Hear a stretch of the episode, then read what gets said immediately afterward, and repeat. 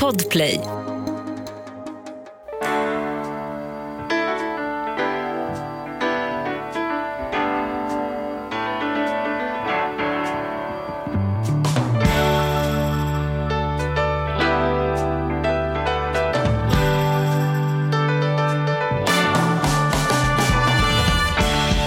Hej och eh, riktigt varmt välkomna till Ekonomi på riktigt med Charlie och Mattias. Det är jag som är Mattias. Så är det. Jag är Charlie. Vet du vad jag gjorde i helgen? Nej, berätta.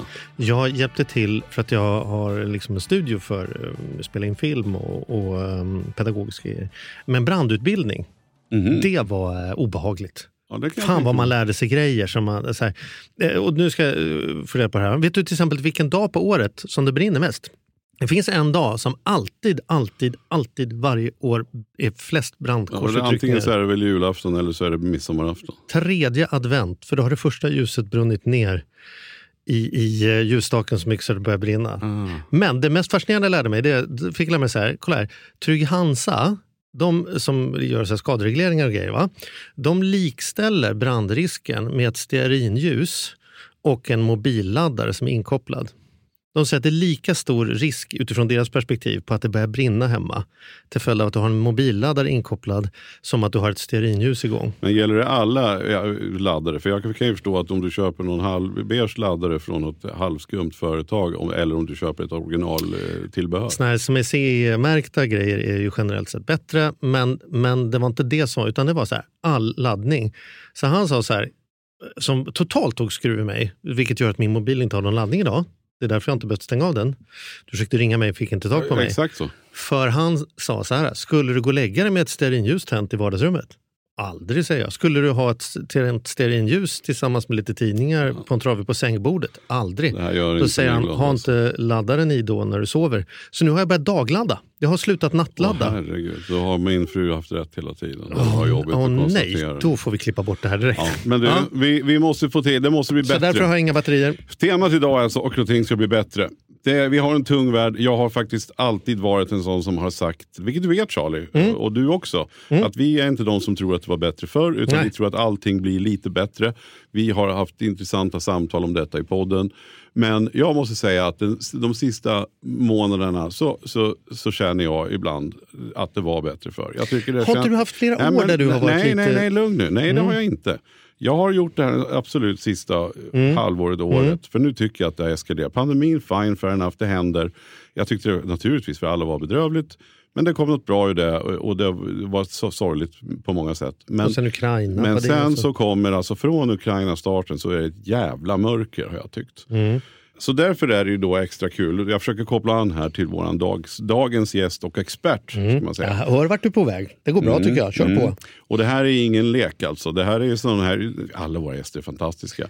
Men vi har ju också en respekt. Vi brukar ju ha eh, ekonomiprofessorn här, eh, Mikael Dahlén, som Ja, också är- nu är mer är professor i lycka.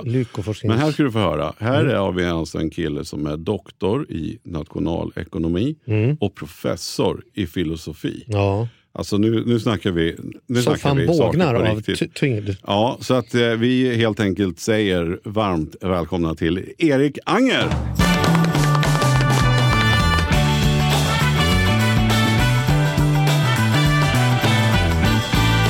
Tack så mycket, roligt att vara här. Det är tungt alltså. Hur, hur blir man så jädra du- beläst eller duktig? Man har lite dåligt fokus helt enkelt. Man börjar läsa en sak, så tappar man tråden och börjar läsa en annan grej och sen känner man att man måste liksom knyta ihop säcken på slutet. Men, men är det, det var bara jag eller är inte det lite unikt att man både är alltså, professor i filosofi och Doktor i nationalekonomi. Ja, det är, rätt, det är rätt unikt. Jag läste också samtidigt på två forskarutbildningar och det är väldigt ovanligt. Det hade ju kunnat bli pannkaka av alltihopa, men jag är glad att det, att det gick ihop sen. Men var du en sån här redan i skolan som hade 5 och 0 från start? Och bara, eller MVG eller vilken? Du ser ganska ung ut. Du ser inte ut som en professor kalkyl riktigt. Jag rodnar här av allt smicker, alltså. Jag förnekar ingenting.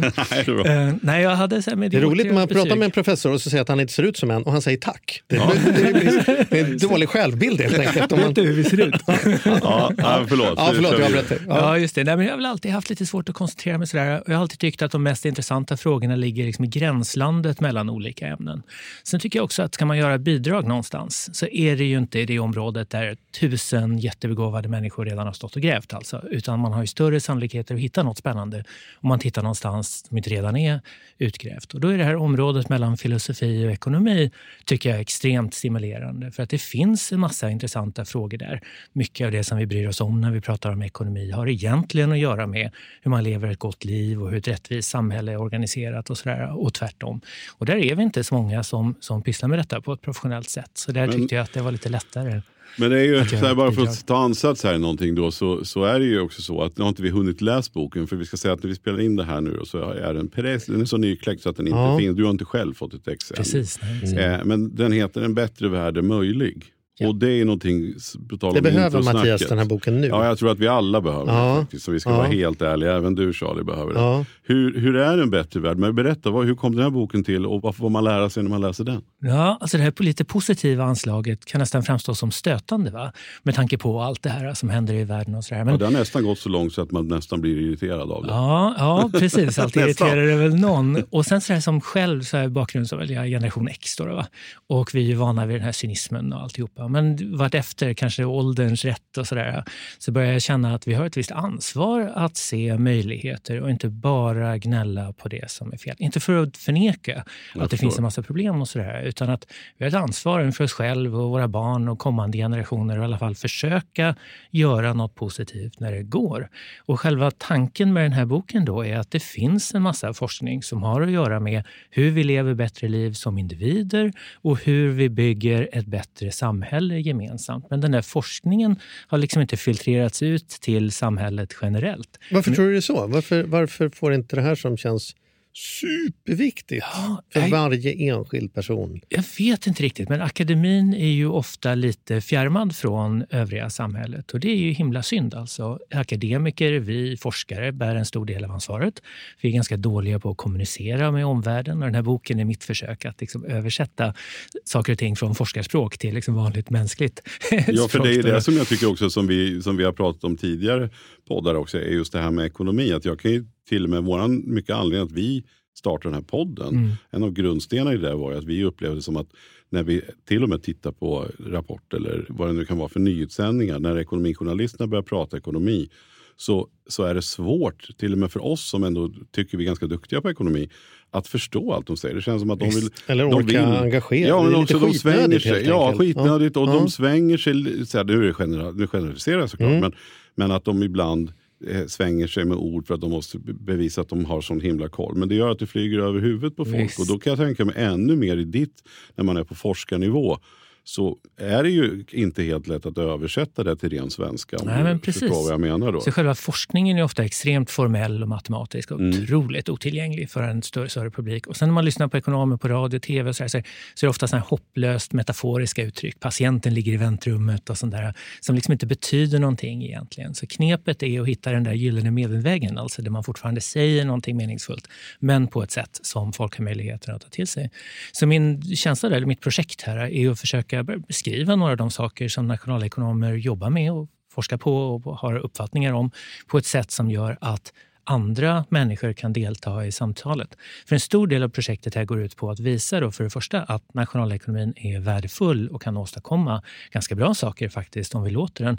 Men också att nationalekonomin och vetenskapen generellt kan inte göra någonting på egen hand. Det måste alltid kombineras med rimliga värderingar, en bra ideologi, respekt för människovärdet och sånt här. Och den delen understryker att man måste ha med befolkningen, eh, stakeholders som vi brukar säga nu då, i den här diskussionen om hur man ska göra livet bättre. Men vi har ju gjort 350 avsnitt där vi har pratat vitt och brett om vad ekonomi är. Och idag blir det ändå att ekonomi möter filosofi. Då. Ja, så så liksom idiotfrågan här är, hur definierar man filosofi. Alltså hur man doktorerar. Man hittar ju direkt på att du sitter och läser så gamla skrifter från gamla greker och sen att man kan vad andra har filosoferat genom årtusendena. Men det är ju inte det som är filosofi här, va? utan det är väl ändå ett eget filosoferande eller ett gemensamt framtidsskapande. Va, hur definierar du filosofi? Liksom? Det, det lite lustiga här är att fil, vad, vad, filosofi är, är i sig en filosofisk fråga. Och standardskämtet är så här, frågar man tio filosofer vad filosofi är ja. så får man minst tolv svar. Ja, alltså. just det. Um, men vad man kan säga är väl att filosofin inbegriper reflektioner över världen och människan, vår plats i världen, på ett väldigt abstrakt plan. På den högsta möjliga liksom, abstraktion.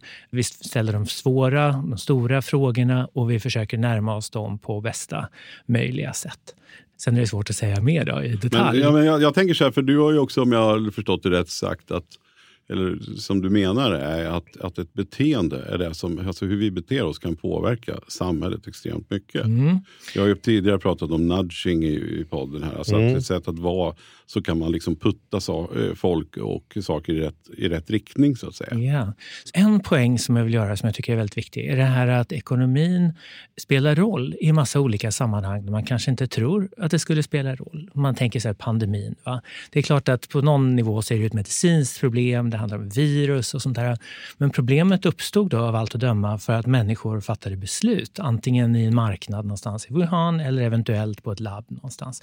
Hur spred sig sjukdomen? Jo, det var för att människor handlade med djur, de reste, de pendlade in och ur, de reste runt jorden. Ehm, så att problem, skälet till, eller orsaken till att det blev ett så stort problem har i hög mån att göra med just beteende. Och sen var ju lösningen då, innan vaccinen kom och det, så var ju alla lösningar som vi diskuterade hade att göra med beteende. Hålla avstånd, tvätta händerna, hålla sig hemma och sådär.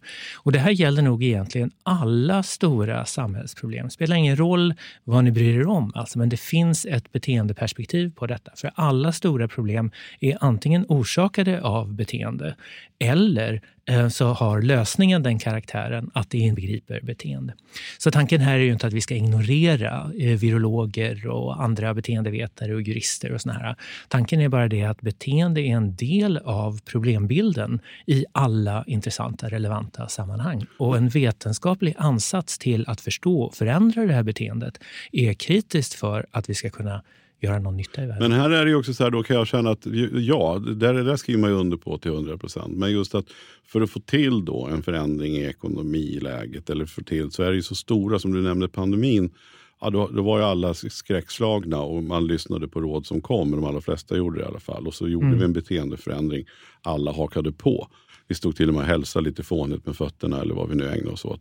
Men, men om vi tittar på så här, ränteläget idag eller eller liksom inflationen. Vi förstår att vi köper för mycket och så. Men det, det, det är svårt att få snöbollen i rullning liksom, bara genom att jag vet att om jag går och slänger... Jag, jag tänker, jag tänka på det fortfarande. Vi har skojat om det tidigare i någon podd. Att, att jag har eldat sopor som inte är glas och metall. Och, och sen då har jag förstått att det där ska jag absolut inte ägna mig åt. Mm. Men då är det lätt att tänka, vad spelar det för roll om jag eldar upp papper eller om jag åker och lägger det, tar bensinen och åker till den där. Så att, hur får man igång då en, en sån här, det du vet då, att om vi bara så här, är opinion och det måste till så mycket. Så det finns lite olika verktyg som man kan använda. Jag menar, ett verktyg är ju incitament. Det är så vi jobbar med alkoholkonsumtion och tobak. och så där. Man sätter en straffskatt på just det som man tycker är, är oansvarigt eller opraktiskt. Då. Subventioner kan ju funka också. Det här funkar även om människor inte är 100% rationella. Alltså om det är en kostnad förenad med att göra antisociala saker så kan det ha en positiv effekt på beteendet. Men sen är det det här med nudging som du nämnde, alltså som är mer subtila insatser på människors beteende där man använder sig av människors behov och vilja att ha en social identitet, att vara del av en grupp och så vidare som kan hjälpa till. En annan grej som nationalekonomer har studerat länge, alltså generationer, är institutioner. Där en institution kan vara en förening, eller en klubb eller någon slags organisation. Allting som har att göra med reglering av eller styrning av beteende. För vad nationalekonomer har visat när man tittar jorden runt, alltså på problem som hur tar man hand om sina resurser, hur delar man på rent vatten, hur sköter man olika sorters eh, konflikter, så visar det sig ofta att bygga meningsfulla institutioner är det bästa, mest beständiga sättet att förändra beteende på.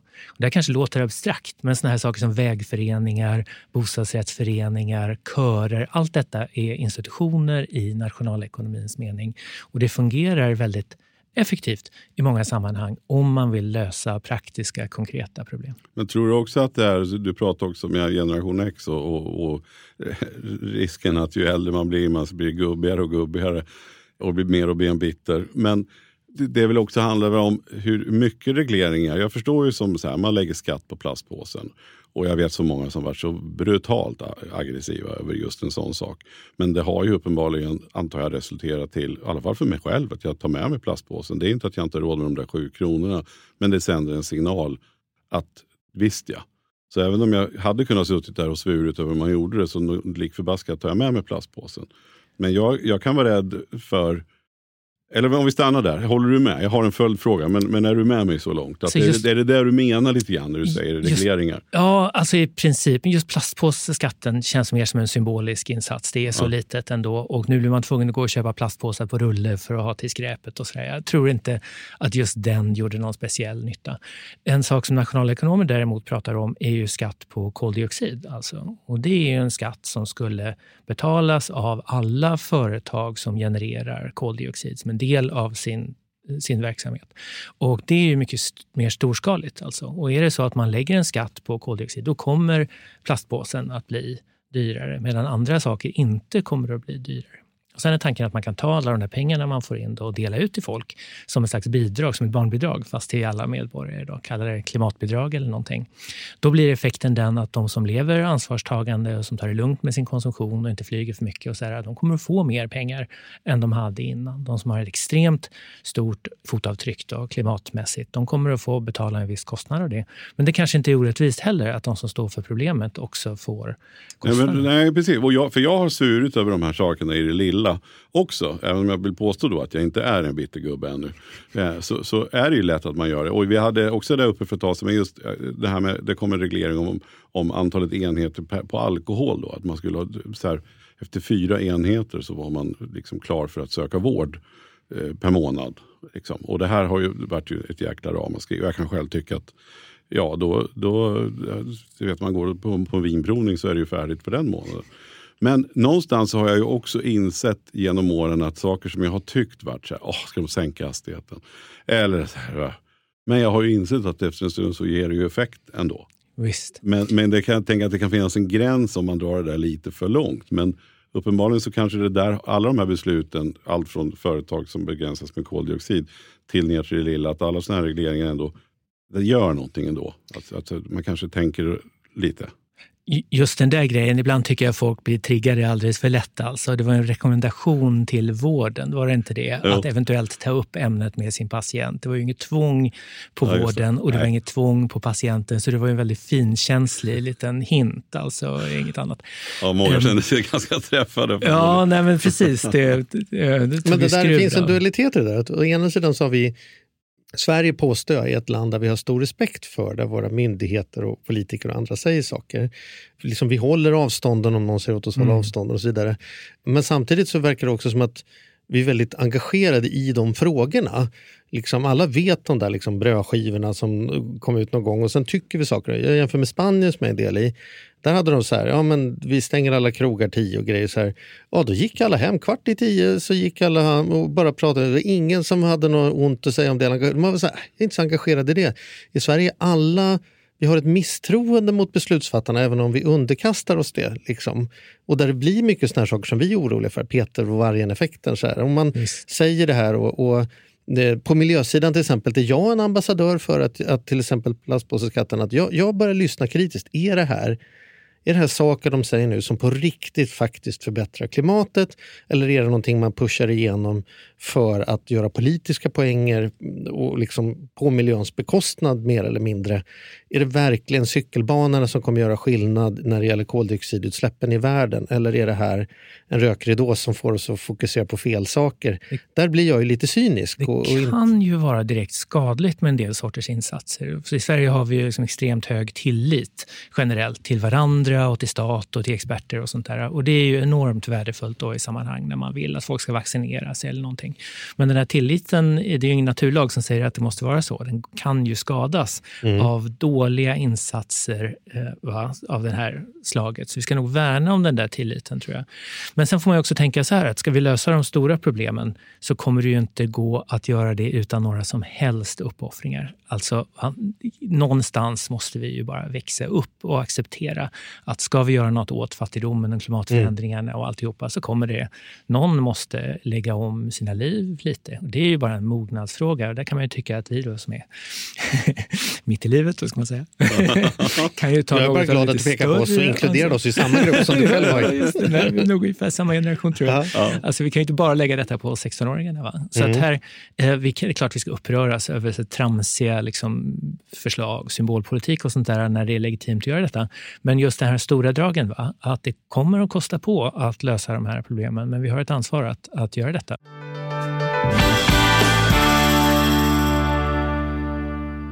Den här podden gör vi även den här veckan i samarbete med Saveland. Fan mm. vad kul det är att ha dem med ombord. Mm, jätte, jätteroligt. Ja, vi brukar prata om att man har något band som man såg jag stod Bo Kaspers jädrigt tidigt liksom, innan man gjort tv-debut. Och du har något hårdrocksband som du var jävligt tidig på. Ja, alltså jag var på, på Lilla Teatern Göta Lejon och såg Metallica ja. 1984. Så gammal är jag. Och jag var i kontakt med Saveland när det fortfarande var typ tre, fyra personer där från mm. början. När jag fick möjlighet att träffa dem. Eh, och nu är de ett stort bolag, fyller tio år, finns på börsen och jobbar helt enkelt med att vanliga privatpersoner och företag kan investera pengar eh, i eh, lån och krediter. Mm. Så man får riktigt bra ränta. Så eh, det rullar på efter tio år, bättre än någonsin. Fantastiskt kul att ha dem med här i podden. Mm. Gå in, testa, kolla. Vi ja. har en kod som gör att om du öppnar ett konto och använder på riktigt får du dessutom en insättningsbonus just Precis, och vill man veta mer så som sagt gå in på saveland.se. Man kan också lyssna på Ludvig som har varit gäst i vår podd två gånger. Då får ja. man en ännu bättre inblick ja. i vad, vad det är de pysslar med egentligen. Men ja, Saveland.se och stort tack. Ett poddtips från Podplay. I fallen jag aldrig glömmer djupdyker Hasse Aro i arbetet bakom några av Sveriges mest uppseendeväckande brottsutredningar. Går vi in med hemlig telefonavlyssning och, och då upplever vi att vi får en total förändring av hans beteende. Vad är det som händer nu? Vem är det som läcker? Och så säger han att jag är kriminell, jag har varit kriminell i hela mitt liv men att mörda ett barn, där går min gräns. Nya säsongen av Fallen jag aldrig glömmer på Podplay. Jag representerar i alla fall inte upprördheten utan mer som att jag är redo att göra mycket, mycket mer om jag på riktigt kunde lita på en ledare som med tydlig signal pekar. Vet du vad? Vi, nu gör vi så här. Från och med nu alla i Sverige lever vegetariskt och vi tar bort bilar i innerstan och vi stänger av flygresorna i tre år. Då är vi kapp. Då hade jag varit så här, så här okej, okay. som bostadsrättsföreningen. Visst, ska vi höja avgiften för Uber? Då gör vi det. I'm game. Men yes. det är ju så många som tycker massa olika till höger och vänster och så blir det som att så här, oh, jag sopsorterar ju förstås, men det är inte med något större engagemang jag känner att jag ska liksom värva grannarna till att vi behöver ha fler olika kärl. För men vi vill inte ha en diktatur heller. Så vad, vad, ja. hur, hur, hur, vad är ditt svar? Ja. Vi, tänker på de som som lyssnar på den här podden, mm. alltså, vanliga härliga konsumenter generellt sett. Då, så här, eh, och människor. Så att, om, man, om man läser din bok, vad, vad kan den enskilda personen göra? Alltså alla problem går ju inte att lösa på det enskilda planet. Så det är en viktig inte, grej att understryka då, att hela ansvaret ligger ju inte på oss som individer utan nej. det här handlar ju om kollektiva handlingar. Men um, jag pratar bland annat om normer och hur de fungerar i ett kapitel i boken. Och Det är lite intressant för att normer styr en väldigt stor del av vårt beteende. Vi kanske tänker på oss själva som rationella djur så här, som uppdaterar rationellt i ljuset av evidens och sånt där. Men i väldigt hög grad så styrs vi av vad vi uppfattar är normen i sammanhanget. De här normerna kan vara positiva. De kan hjälpa oss att inte eh, hålla koll på våra fimpar och inte skräpa ner och sådär. De kan också vara extremt negativa. Så man tänker på hedersmord och sånt här genereras av normer som har varit väldigt stabila under väldigt lång tid. Och grejen med normer är att de kan vara stabila. De, de styr vårt beteende på ett väldigt starkt sätt när de finns på plats. Men de går att förskjuta. Det finns exempel på normer som har förskjutits väldigt snabbt. Man tänker på den här sexuella revolutionen i Quebec var väl mest dramatisk. Va? När katolska kyrkan tappade greppet om, om befolkningen och mer sekulära värden tog över. Det kan gå enormt fort, även efter flera hundra år. Alltså. Och eh, normer upprätthålls av individer. Vi kan inte alltid som enskild person förskjuta de här normerna från en dålig till en, till en bra. Men även en ganska liten grupp människor som bestämmer sig för att göra någonting annorlunda kan förskjuta majoritetens beteende. Man kan titta på mode till exempel. Sverige är tydligen ovanligt modekänsligt. Jag har upplevt det själv, att man åker från Sverige på någon längre resa och så alla gråa halsdukar, så kommer man tillbaka, så alla lila halsdukar. Liksom. Hur gick det här till?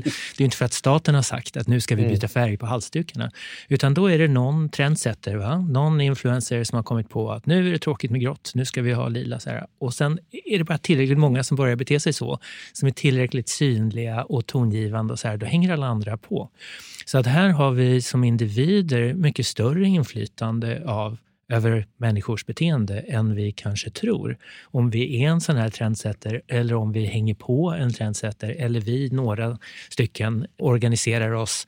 Nu kanske inte medelålders farbröder som är de mest framgångsrika influenserna, men vi kan liksom bilda grupp va? Mm. Med, med de som är effektiva på detta. Så det finns saker man kan göra som, som individ. Jag menar, Greta Thunberg är ett spektakulärt exempel på detta. Ja. Då, men även i mindre skala så har man som individ ett visst inflytande över hur människor i ens grupp beter sig.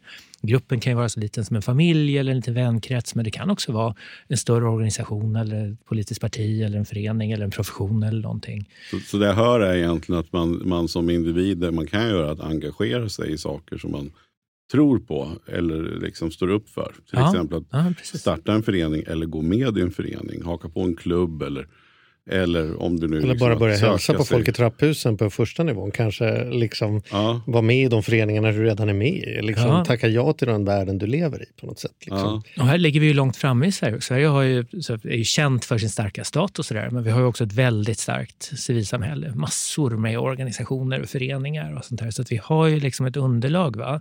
Styrelser och olika bidragsformer och stadgar och sånt där. Så det finns ju massa strukturer som man kan verka inom om man vill vill skapa förändring. Och där, även om inte var och en av oss kan liksom rädda världen själv, så kan ju alla engagera sig i något och orsaka liksom positiv förändring. Ja, för det hjälper ju inte hem att sitta i fåtöljen och säga att det var bättre förr och, och skälla på, på kärringen rent ut sagt. Utan då, då är det väl bättre att engagera sig.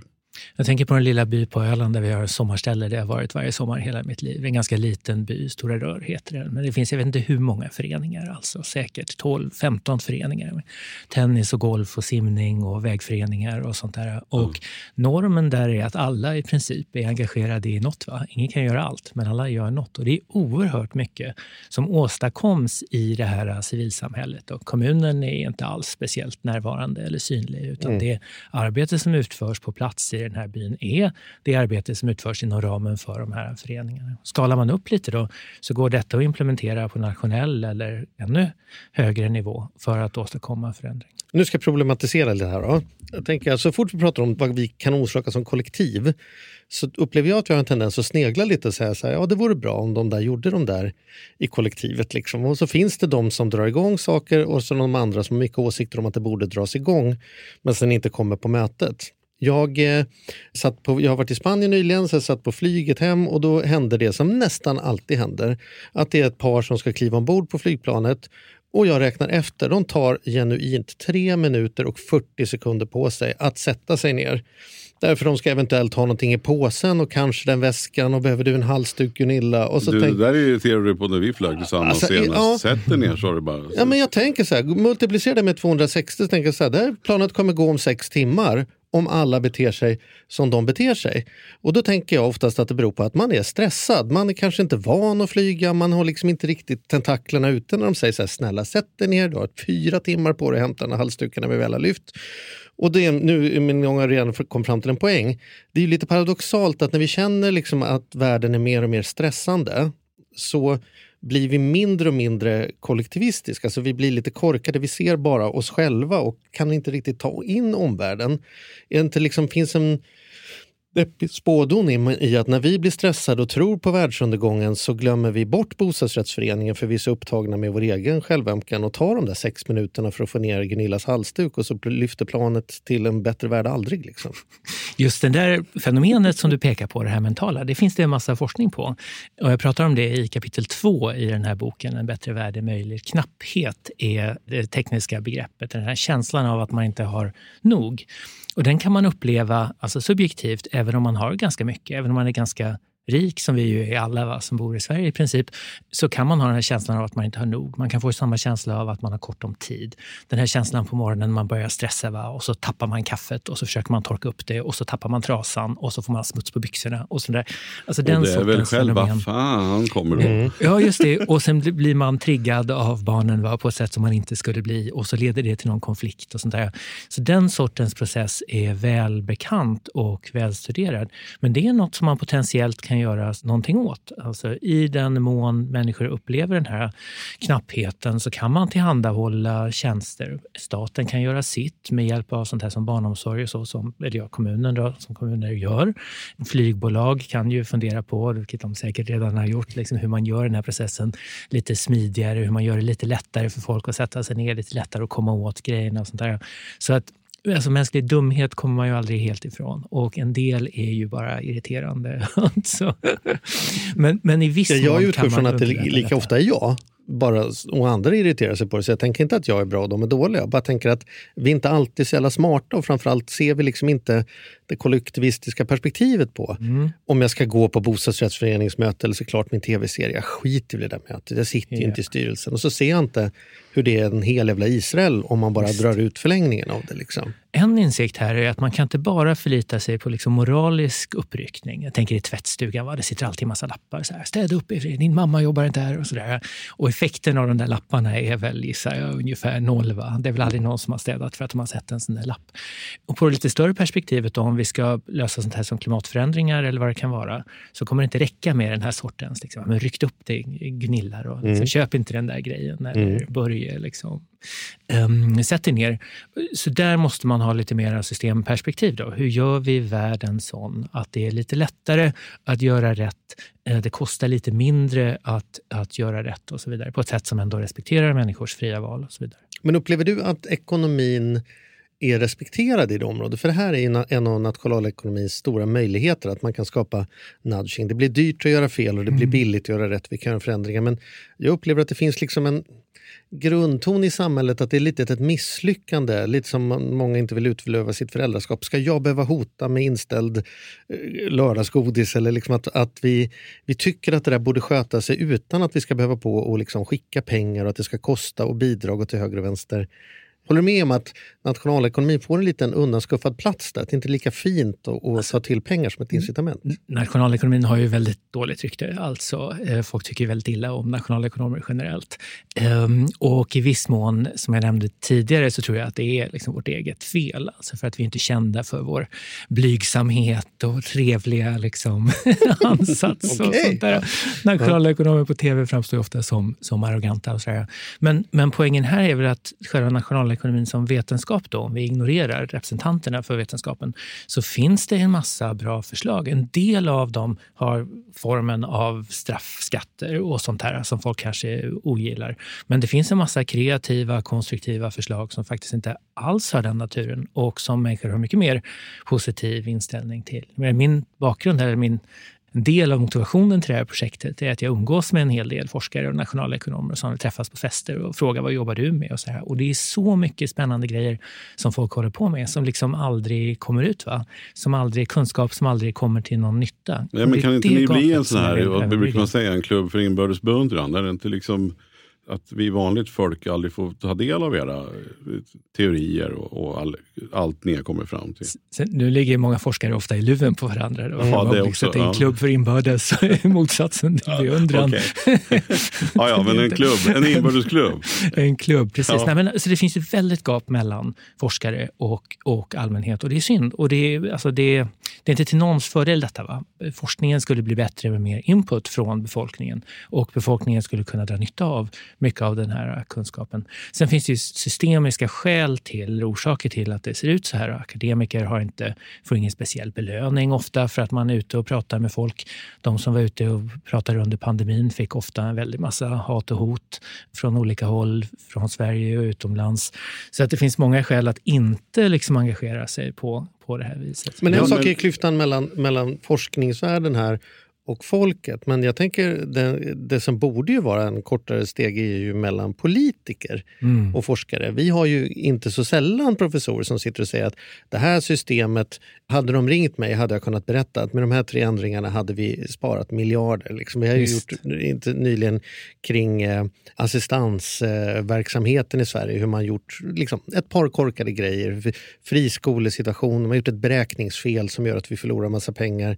Och sen slutar det med att alla är arga arga på friskolan eller på politikerna. Egentligen. Det finns ju sätt att räkna på detta. Känner, liksom varför, varför är inte politiker och forskare bättre kompisar? För att det känns ju ändå som att ni, ni, ehm, det, det, är inte så stort avstånd. Det behöver inte gå via Expressen för att det ska bli ett kreativt möte där. Liksom. Nej, det är helt riktigt. Alltså. Vi skulle ju kunna prata direkt till politikerna men det går inte helt att frikoppla den diskussionen från vad väljarna tycker. För politiker är ändå ansvariga inför en väljarkår. Ska man få folk att betala skatt för att göra en viss insats så är det ändå viktigt att befolkningen förstår vad skatten går till och varför den ser ut som den gör och hur insatsen ser ut och varför den är bra. Och sådär. Men det är väl det som jag tänker partiledardebatt, jag älskar att titta på, på dem. Och det är ju för att... Gör du? Ja, tycker det är fantastiskt. Är ont i hela kroppen? Ja. nej, nej, för jag älskar det för att någon gång under de här debatterna, när de inte ägnar sig åt att kasta paj på varandra, så vill jag förstå vissa saker. Och ibland är det så att jag kan ha en, en, en både en negativ inställd bild av, en, av ett parti eller så, men jag kan också ha en överpositiv. Men jag älskar när man får veta saker. Så här, varför skulle vi göra så här då? Jo, därför att det kommer innebära. Och sen kan man få ut någonting av det. Och det tänker jag också säga att om, om politikerna fick väldigt mycket bättre input ifrån er mm. så skulle de ju kunna säga, istället för att ägna sig åt att kasta skit på hur dåliga de andra är så skulle de kunna förklara varför deras förslag är så pass bra. Just. Det är de ju dåliga på att sälja in, det händer ju ibland. Och då kan jag bli så här, jaha, visst ja, det hade inte jag tänkt på. Och det kan ju vara väldigt enkla saker ibland som jag nästan skäms när jag hör att jag visste, det borde jag ju fattat att det har ju med det här att göra. Men när liksom. du säger det, jag tycker vi saknar, nu, nu kommer jag pitcha en idé som ni kommer hata. Vi saknar någon typ av sanningsministerie. Tänk om vi hade haft någon typ av hus där vi bara sätter forskare och säger så här, ni, ni är anställda nu av staten här för att berätta hur det är. Blir det mm. kallare eller blir det varmare? Är invandrare överrepresenterade eller underrepresenterade i den här gruppen? Har klyftorna ökat eller minskat? Och sen så skulle vi kunna, så fort det är debatt i tv och någon börjar prata om vad som är rätt och fel så skulle, skulle journalisterna kunna upp och säga men vänta nu, vi har faktiskt en, en myndighet som berättar hur det är så att vi kan sluta prata om huruvida det har blivit bättre eller sämre. Det har blivit 3% sämre, det har vi klart där. Nu kan vi prata om vad innebär det då? Något liknande händer ibland på tv tycker jag. Alltså det värsta är sen när man har någon som säger att jorden är platt och någon som säger att jorden är rund och så får de diskutera. Va? Mm. Um, men ibland ibland så händer det att man, får en, man har en politiker som får säga det här är vår insats mot vad det kan vara, kriminaliteten. Och sen har man en kriminolog som, säger, eh, som inte liksom recenserar politikerns politik men som säger att det här är det vi vet om kriminaliteten. Då får politikern viss Um, måste vara, hålla sig lite på tårna. Va? För drar man i med någonting så finns det någon som vet som mm. kan rätta till det. Men skulle vi inte kunna institutionalisera ja, det? Ha det som liksom ett, ett färdigt system? Ja, uh, vi skulle ju kunna ha ett litet rum bredvid röstningen. Där de säger, det här är mitt förslag och vad säger forskarna? Finns inget vetenskapligt stöd för att det här blir bättre? Okej, okay, då vet vi vad ni säger. Nu röstar vi. Ja, vi röstar ja i alla fall. Eller du, vi röstar du tänker som en fotbollsmatch där man har en kommentator där man liksom zoomar bort från politikerna till ja. en kriminolog. Ja, men jag, jag har svaret på det här. Uh. Så här jag, jag tycker att alla universitet då Eh, av, av rang. Eller ja, det är väl alla universitet i Sverige. Ja, vi har bara bra Vi har bara bra universitet, mm. antar jag. Man borde gå ihop och anställa en säljavdelning. Mm. Som kan sälja in sig själva och sin kunskap till Just. politiker och till företagsledare och till andra. Tänk så bra det vore. För det är ofta som jag har sagt, så här, ibland Ja, men det kan vara till och med om jag lyssnar på ett gammalt avsnitt i podden eller man tittar på något gammalt tv-program. Så här, Åh, hur kunde jag inte veta det där? Alltså, och jag blir så glad när man får ny input. Här. Precis som du säger, någon slags sanning. Det tycks lite mycket och ja, räknas lite precis, lite. Och ibland. folk spekulerar och alla. Och just det här med invandrarfrågan har ju, alltså nu, detta nu med gängvåld och allt möjligt. Och alla har ju svar, alla vet. och då vore det så skönt att man kunde förlita sig på någonting som är sant. Och är det någon som vet om det är sant så är det ju ni. Men jag känner inte att jag har någon tillgång till er. Visst, när, när, när, när, jag, när vi liksom nu fick klart här för några veckor sedan att du skulle komma till oss. Vi känner oss ju så här, shit, vi ska få träffa en professor på riktigt. Nu får ni skärpa er. Ja, vi får skärpa oss. Eller så här. För att det, jag har ingen, I mitt liv har jag, har jag ingen närhet ja, till någon som kan så mycket inom sitt område. Jag kan ju ha, sitta och tycka och tänka och tro, men, men sen är det så fascinerande när man träffar en professor eller någon som är beläst inom sitt område. Då får man ju svar. Eller som man går till doktorn till exempel, eller om man går till någon träningsexpert. Vad det än kan vara. Så får man en, en sanning åtminstone en rätt riktning. Alla sitter väl inte inne på allting, men i alla fall ganska mycket tydlighet. Och, och, och där tror jag det är för stort glapp mellan er och oss om vi nu ska prata så. Och vi har ju inte kompetensen. Så, det, så forskare blir forskare, vi blir kvar i akademin och vi blir professorer för vi är duktiga på att bedriva forskning. Men mm. ingenstans längs den här processen så lär vi oss hur man liksom presenterar sitt material för de som inte redan är del i mm. sammanhanget. Eller hur man säljer in det till någon som inte redan är övertygad. Nej, och, och det är väl skicka, din... Precis, och det gör ju du starkt i att du skriver en bok. Ja, en, fantastiskt. Bra. Ja, för bra. Att jag tänker också, en, din doktorsavhandling, eller prov, jag vet inte ens vad det heter när man blir professor. Ja, då är det ju doktorsavhandlingar högt och lågt. Ja. Man sitter och alltså, Doktorsavhandlingen var länge sedan ja. nu tyvärr. Nej, men jag, jag, har en son som går sista året på, eller sista halvan nu, han har sitt examensarbete kvar på SU också. Ja.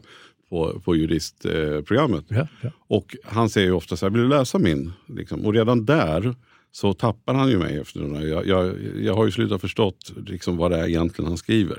För att det är så. Ta det, det då gånger 20 så har du ju Ja, jag tänkte säga, då tar man det gånger 20 och då skulle ja. inte jag begripa någonting. Utan det är det här man skulle vilja då. Att, att, att, den här, att det blir en slags brygga. Ja. Mellan... Och någon slags närhet. Va? Jag tänker ja. på närpoliser pratar man om ibland. Ja. Mm. Sånt näruniversitet kanske man skulle ha. Någonting som minskar det rent fysiska och mm. mentala avståndet till mm. forskarna. Mm. För mycket av det här handlar ju om tillit. Va? Som vi pratade om vaccin och sånt. Vad det betyder att människor känner en viss tillit inför experter, Folkhälsomyndighet och sånt där. Något liknande gäller ju forskningen. Nu har Sverige väldigt högt förtroende för forskare. Så detta är inte internationell jämförelse är liksom ett större problem. Men det kan ändå vara så att tilliten skulle kunna bli starkare. Mm. Och hur bygger man tillit då? Jo, men genom möten. Mm. Och att man uppvisar någon slags, inte bara kunskap om några abstrakta modeller, utan omsorg och kanske till och med kärlek. Va? Det är mm. någonstans i mötet där som, som saknas. Jag, tycker, jag, jag tycker faktiskt Imra eh, också att vi, vi... Är det någon som lyssnar här ute nu som har något förslag på hur vi ska kunna bygga ett sanningsministerium eller något liknande som du var inne på. Så. Eller hur vi ska lyckas... Vad är det? det? Det är någonting i någon hemsk så här, 1984 eller något sånt där. Brasil har det. Ja. Ja. ja. så det är något belastat. Vi behöver hitta ett bättre begrepp tror jag. Ja. Alla kan inte starta en podd och, och få chansen att träffa... Nej, men vi hade, men om jag ska här, svara på, på din fråga så, eh, innan vi går till lyssnarna. Så här, så här, den lågt hängande lösningen, men som jag är så bitter så jag upp på, det är ju att man skulle kunna påstå att detta till stor utsträckning är medias uppdrag. Att översätta världshändelser på ett sätt som gör att svenska folket, eller vilket folk det nu är, blir smartare och fattar mer informerade beslut och därmed kan rösta klokare. Men där måste jag säga att där tror jag vi behöver tänka om. Det verkar inte som om de beskriver sitt uppdrag på det sättet, mm. i alla fall Nej. inte tar det uppdraget. Nej, Men det vore ju det uppenbara svaret, att vi skulle ha dagspress och, och nyhetssändningar som förklarar det där istället för att hänga ut någon stackars person. Det finns ju alltid någon som har fått ett barn som har blivit skadat som vi kan säga att det här var jättedåligt. Liksom. Men alltså får jag berömma er lite då? Så det här med podcast och grejer, det är mm. ju stort. Det är ett helt ekosystem som har växt upp nu under, jag vet inte, inte så himla många år. Va? Mm. Massor med människor som lyssnar på poddar som är ett sammanhang där människor faktiskt får prata till punkt. Mm. Eh, på tv får man ju aldrig mer än några minuter va? generellt. Så det här är ju ett lysande tillfälle att liksom diskutera idéer på riktigt och med visst djup. Och ja, och jag vill också tillägga att fascinationen, tack, eh, ska jag säga. Men fascinationen är ju också att, som jag menar med partiledardebatter, att man vet att alla som står vid de här runda borden är ju inga dumskallar och det är säkert ingen av dem som vill någon illa. Men ändå så har man to så totalt skilda uppfattningar mm. i vissa frågor. Och då, det tror inte jag man skulle behöva ha om man hade lyssnat mer på, på forskarna och mm. de som verkligen kan ämnena. Då mm. hade vi kunnat gå ner på mer detaljer och enas om mycket större frågor så skulle vi få mycket bättre effekt på samhället. Visst. Får jag upprepa den här uppmaningen till era lyssnare att höra av sig med idéer? För att det här mm. är, är stort. alltså. Kunskapen, en stor del av, av poängen med den här boken, En bättre värld är möjlig, är att det finns en massa kunskap. Just nu så råder det egentligen ingen brist på kunskap om vad problemen eh, är, var de kommer ifrån och vad man kan göra för att, för att förbättra dem. Problemet är liksom hur man går från kunskap till handling. Det är på ett sätt mycket större problem. Det har att göra med politik och sånt där. Mm. Men alltså det är egentligen där vi borde lägga vårt krut, tror jag, just mm. nu. Men du, och den här boken är ju ett försök i den riktningen, får man ja. säga. Då. Ja, va, va, vem är den till för? Nu får du köra bokpitchen här. Du som inte har gått några säljkurser, får, ja. får, får göra ditt bästa försök. Vem är den till för och vad kommer man få ut av den och hur kommer den rädda världen? Så kan ni säga sen vad jag borde ha sagt. Nej, nej, nej, nej, men den här boken är för alla. Alltså, den är inte skriven för mina kollegor. Jag har explicit slutat att tänka på mina kollegor. Den är för vem som helst som är intresserad av samhället och livet och människan och dess plats i världen och vad vetenskapen har att säga om hur vi kan leva ett bättre liv och bygga ett bättre samhälle. Sen kommer jag ju inte med det här magiska trollspön eller något sånt där. Jag säger ju inte att liksom man bara kan trolla fram mm. en bättre värld. Men tanken är att vetenskapen har genererat, beteendevetenskapen har genererat förslag som man kan börja liksom implementera nu i sitt eget liv och förslag som vi liksom gemensamt kan försöka realisera. Som har i alla fall en del, del av lösningen på sånt här som fattigdom och klimatförändringar och olycka bristande självkunskap och sånt här. Ja, så det finns massa spännande saker. Men mm. eh, finns den som ljudbok? Den har inte kommit ut som ljudbok än. Då vill jag ge inte dig ett tips. på svenska. Den Nej. finns på engelska, inläst av en alldeles lysande svensk-engelsk mm. skådis. För jag tänkte just ge tipset till dig att du skulle läsa in den själv, för du har en fantastiskt ja, behaglig röst. Ja. Jaha, tackar, tackar. Ja, det tror jag kan skriva under på. roligaste jag har gjort på hela året när jag pratar med er. Wow. ett, ett superstort tack för att du kom och lycka till med boken. Vi ska läsa den så fort den är ute. Och sen, nu säger vi vad den heter en gång till så vi gör vårt säljjobb här. Ja, ja, men det får Erik säga. Nu. En bättre värld är möjlig av mig, Erik Agner, professor i praktisk filosofi vid Stockholms universitet. Där har vi den. Googla så finns den där böcker finns. Så enkelt är det. Tack så jättemycket Erik. Jättetack, det var superkul att prata.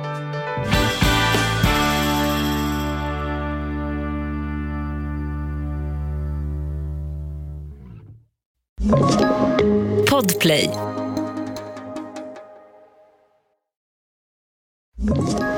Ett poddtips från Podplay. I podden Något Kaiko garanterar östgötarna Brutti och jag, Davva, dig en stor dos skratt. Där följer jag pladask för köttätandet igen. Man är lite som en jävla vampyr. Man har fått lite blodsmak och då måste man ha mer. Udda spaningar, fängslande anekdoter och en och annan arg rant. Jag måste ha mitt kaffe på morgonen för annars är jag ingen trevlig människa. Då är du ingen trevlig människa, punkt. Något kajko, hör du på podplay. Därför är gardinerna.